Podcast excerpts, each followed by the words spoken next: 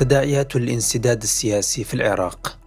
على الرغم من مرور ستة أشهر على إجراء الانتخابات البرلمانية العراقية المبكرة إلا أن الأطراف السياسية والقوى الفاعلة والفائزة في الانتخابات لا زالت عاجزة عن الوصول إلى آلية لاختيار مرشح رئاسة الجمهورية وبعدها اختيار رئيس الوزراء حيث تصر القوى الفائزة بقيادة التيار الصدري إلى كسر قاعدة التوافق في تشكيل الحكومة الجديدة وإبعاد بعض القوى المسلحة عن المشهد الجديد وهذا ما يرفضه القوى الخاسرة وأدى هذا الخلاف إلى دخول البلاد في أزمة جديدة وانسداد سياسي أثر بشكل سلبي على أوضاع العراقيين.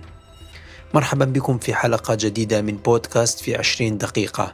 نتحدث فيها عن تداعيات وآثار حالة الانسداد السياسي. الذي يعيشه العراق في الوقت الحالي نتيجة للخلافات السياسية بين الفاعلين السياسيين وتأثير ذلك على أوضاع البلاد والانزعاج الجماهيري من استمرار هذه الحالة والمطالبة بإيجاد آلية لإخراج البلاد من هذا المأزق السياسي.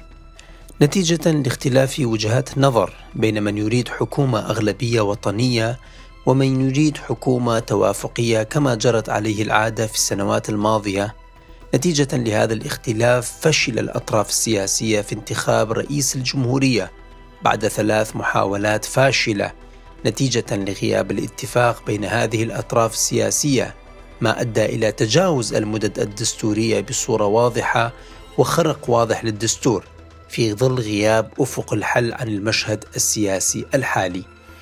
ويعود أساس هذه المشكلة في حصول الانسداد السياسي إلى نتائج الانتخابات المبكرة التي حدثت في أكتوبر الماضي والتي شكلت مفاجأة للكثير من الأطراف السياسية وخاصة بعد فوز التيار الصدري بزعامة مقتدى الصدر بالمرتبة الأولى وخسارة الأطراف السياسية الشيعية التقليدية الموالية لإيران للكثير من مقاعدها في البرلمان نتيجة للكثير من الأسباب التي ساهمت في تراجع نفوذها داخل المجتمع العراقي.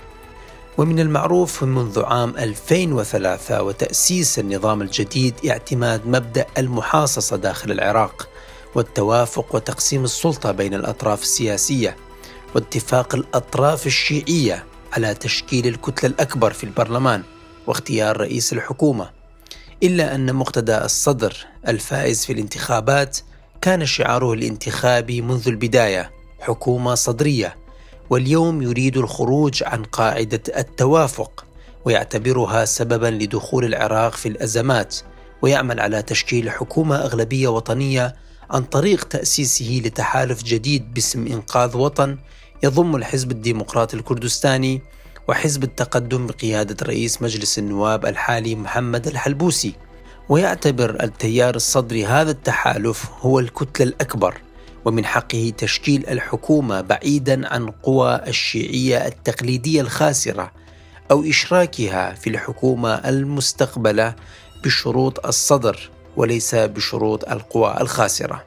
بينما القوى الشيعية التقليدية والتي تجمعت تحت غطاء ما يسمى بالإطار التنسيقي والتي يضم كتلة دولة القانون بقيادة نوري المالكي رئيس الوزراء العراقي الأسبق وكتلة الفتح بقيادة هادي العامري رئيس منظمة بدر الموالية لإيران وباقي الفصائل والميليشيات المسلحة فإنها ترفض الانصياع لإرادة مقتدى الصدر وتدعو لتشكيل حكومة توافقية تجمع القوى الشيعية وترفض الخروج عن هذا المبدأ الذي يوفر لها نفوذا ومكاسب في الحكومة القادمة وخاصة مع ارتفاع أسعار النفط والذي يدفع هذه الأطراف إلى التمسك بالمشاركة في الحكومة القادمة والابتعاد عن خيار المعارضة الذي روجوا له سابقا.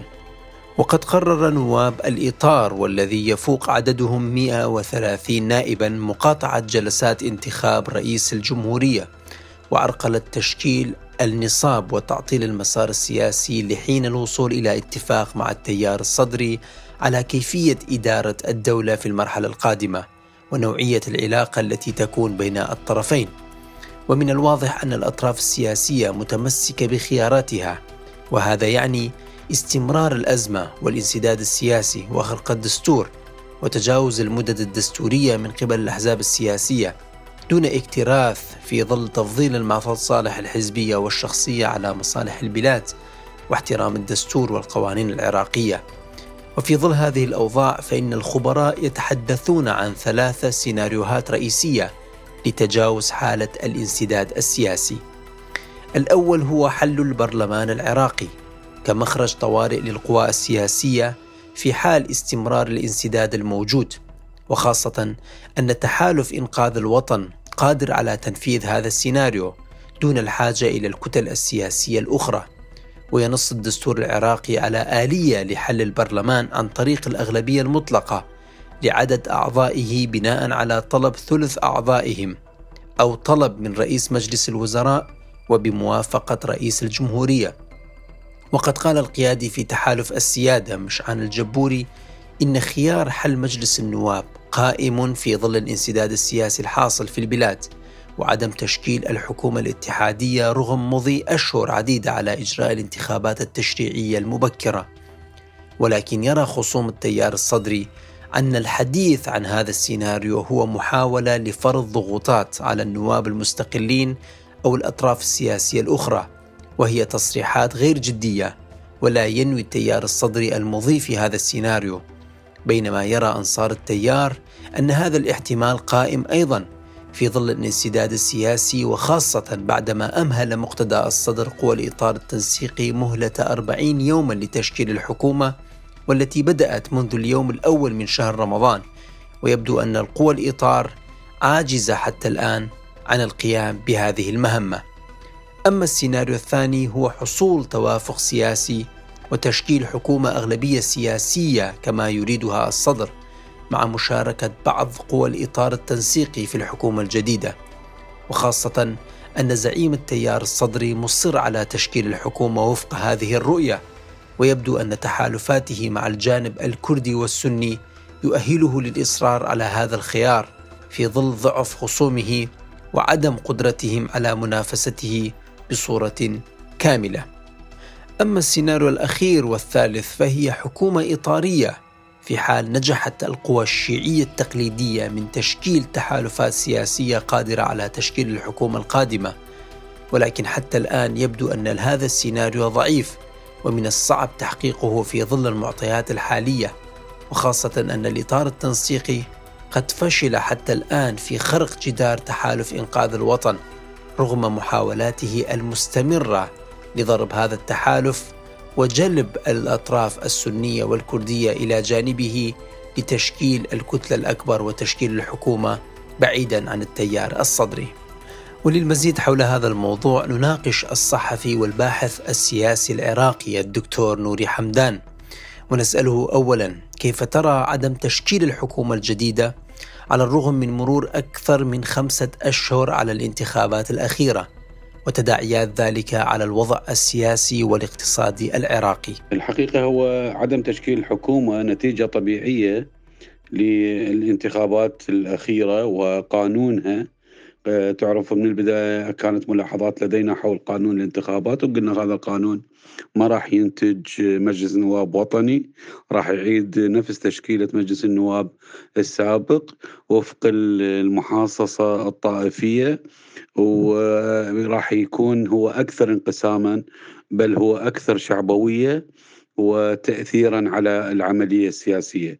بالتالي هو الأزمة والانسداد هي وجدت قبل آه، الانتخابات يعني هي ثورة تشرين الشباب الذين تظاهروا رافضين العملية السياسية برمتها آه، وهذه القوى السياسية لم تتمكن من الاستجابة لثورة تشرين ومعالجة الخلل السياسي بل ذهبت هذه القوى بتشريع قانون يعمق الأزمة وينتج أزمات جديدة بالتالي آه، يتحمل مسؤولية عدم تشكيل الحكومة الحقيقة هو القوى السياسية التي شرعت قانون الانتخابات آه، والقوى السياسية أيضا التي أثرت بشكل كبير على آه، طبيعة وتشكيلة الكتلة الأكبر في البرلمان أو الفائزة في الانتخابات.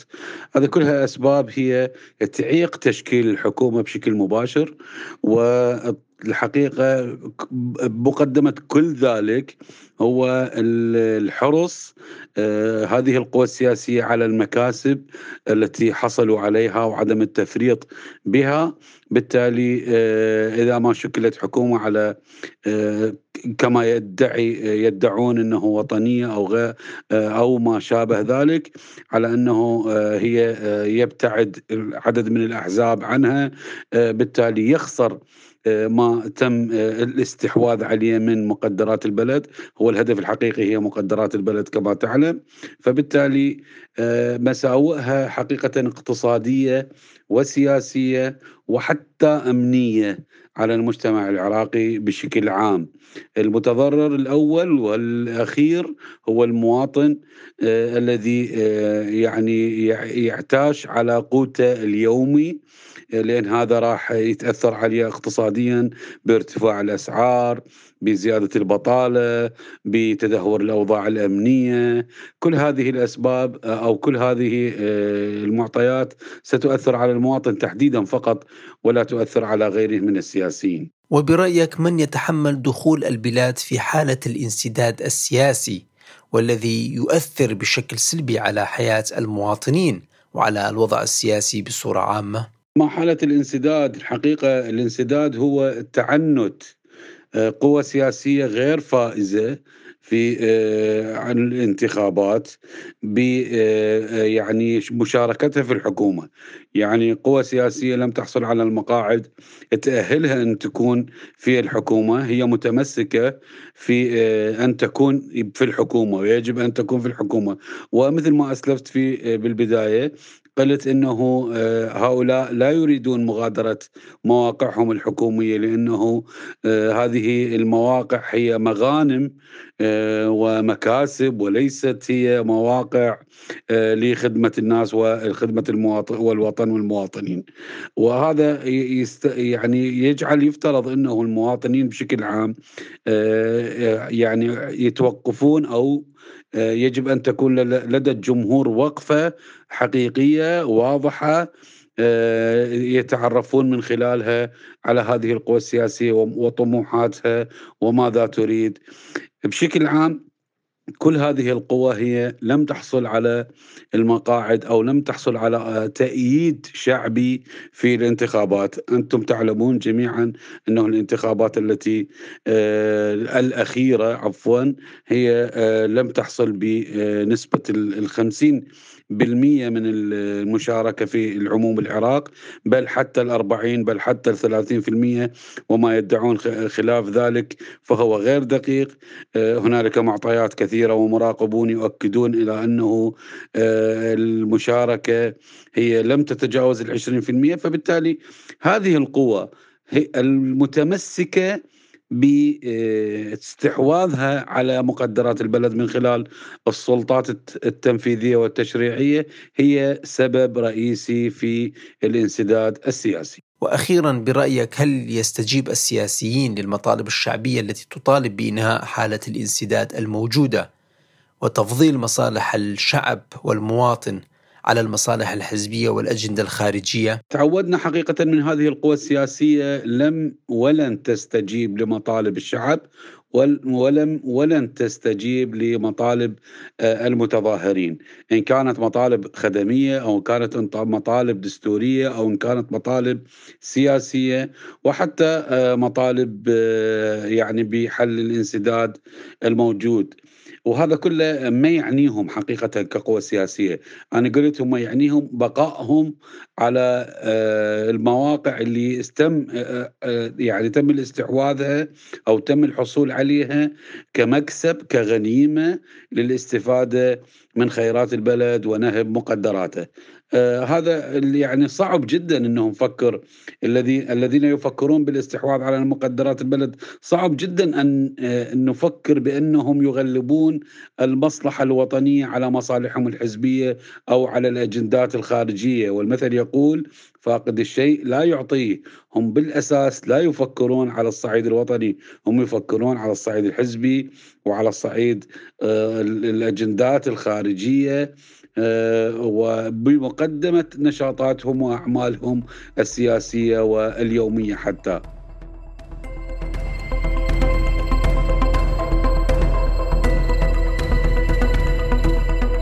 ويبدو أن الكثير من القيادات السياسية أصبحت تدرك مخاطر هذا الوضع على مستقبل البلاد حيث أكد رئيس الجمهورية الحالي برهم صالح في احتفالية ذكرى تأسيس منظمة بدر أن الانسداد السياسي الراهن في إنجاز الاستحقاقات الدستورية وتشكيل حكومة جديدة بعد خمسة أشهر على إجراء الانتخابات بات أمرا مقلقا وغير مقبول ويؤدي لو استمر إلى انزلاق البلاد في أتون متاهات خطيرة. وهناك من يريد أن يشغل العراقيين بصراعات داخلية تستنزف قوتهم وتضعف كيانهم ولا يمكن للعراقيين أن يقبلوا بذلك. بينما أقر رئيس الوزراء الكاظمي بأن العراق يمر بأزمة سياسية وقال نحن نجتهد في إيجاد الحلول وأحيانا نجتهد وللأسف في ابتكار العوائق والانسداد السياسي والشعب. قلق من المستقبل نتيجة للانسداد السياسي الذي يعرقل الحياة. ونتيجة لاستمرار هذه الحالة لهذه الفترة الزمنية الطويلة وتداعياتها وتأثيرها على حياة المواطنين خرج المئات من العراقيين في تظاهرات حاشدة في العاصمة العراقية بغداد ومحافظات أخرى احتجاجا على الأزمة السياسية التي تشهدها العراق ومطالبين بحسم ملف تشكيل الحكومة والخروج من حالة الانسداد السياسي مع ترديد شعارات ضد الأحزاب السياسية والتنديد بالصراعات التي تؤثر بصورة سلبية على ظروف العراقيين.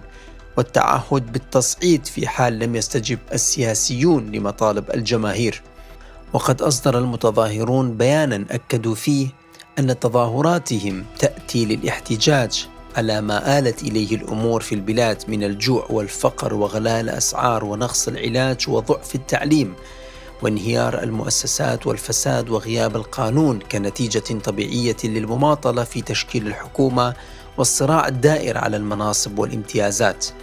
ويشعر العراقيون أن تأخير تشكيل الحكومة قد انعكس على الواقع الاقتصادي بصورة مباشرة نتيجة لتوقف المشاريع الاستثمارية التي تعتمد عليها الطبقة العاملة والتي تشكل شريحة كبيرة من المواطنين العراقيين بسبب عدم وجود موازنة مالية للعام الحالي 2022 وذلك بسبب عدم قدرة الحكومة الحالية على تقديمها للبرلمان. باعتبارها حكومة تصريف أمور يومية فقط. وهذه التظاهرات هي الأولى من نوعها والتي تطالب بتشكيل الحكومة منذ إجراء الانتخابات النيابية المبكرة.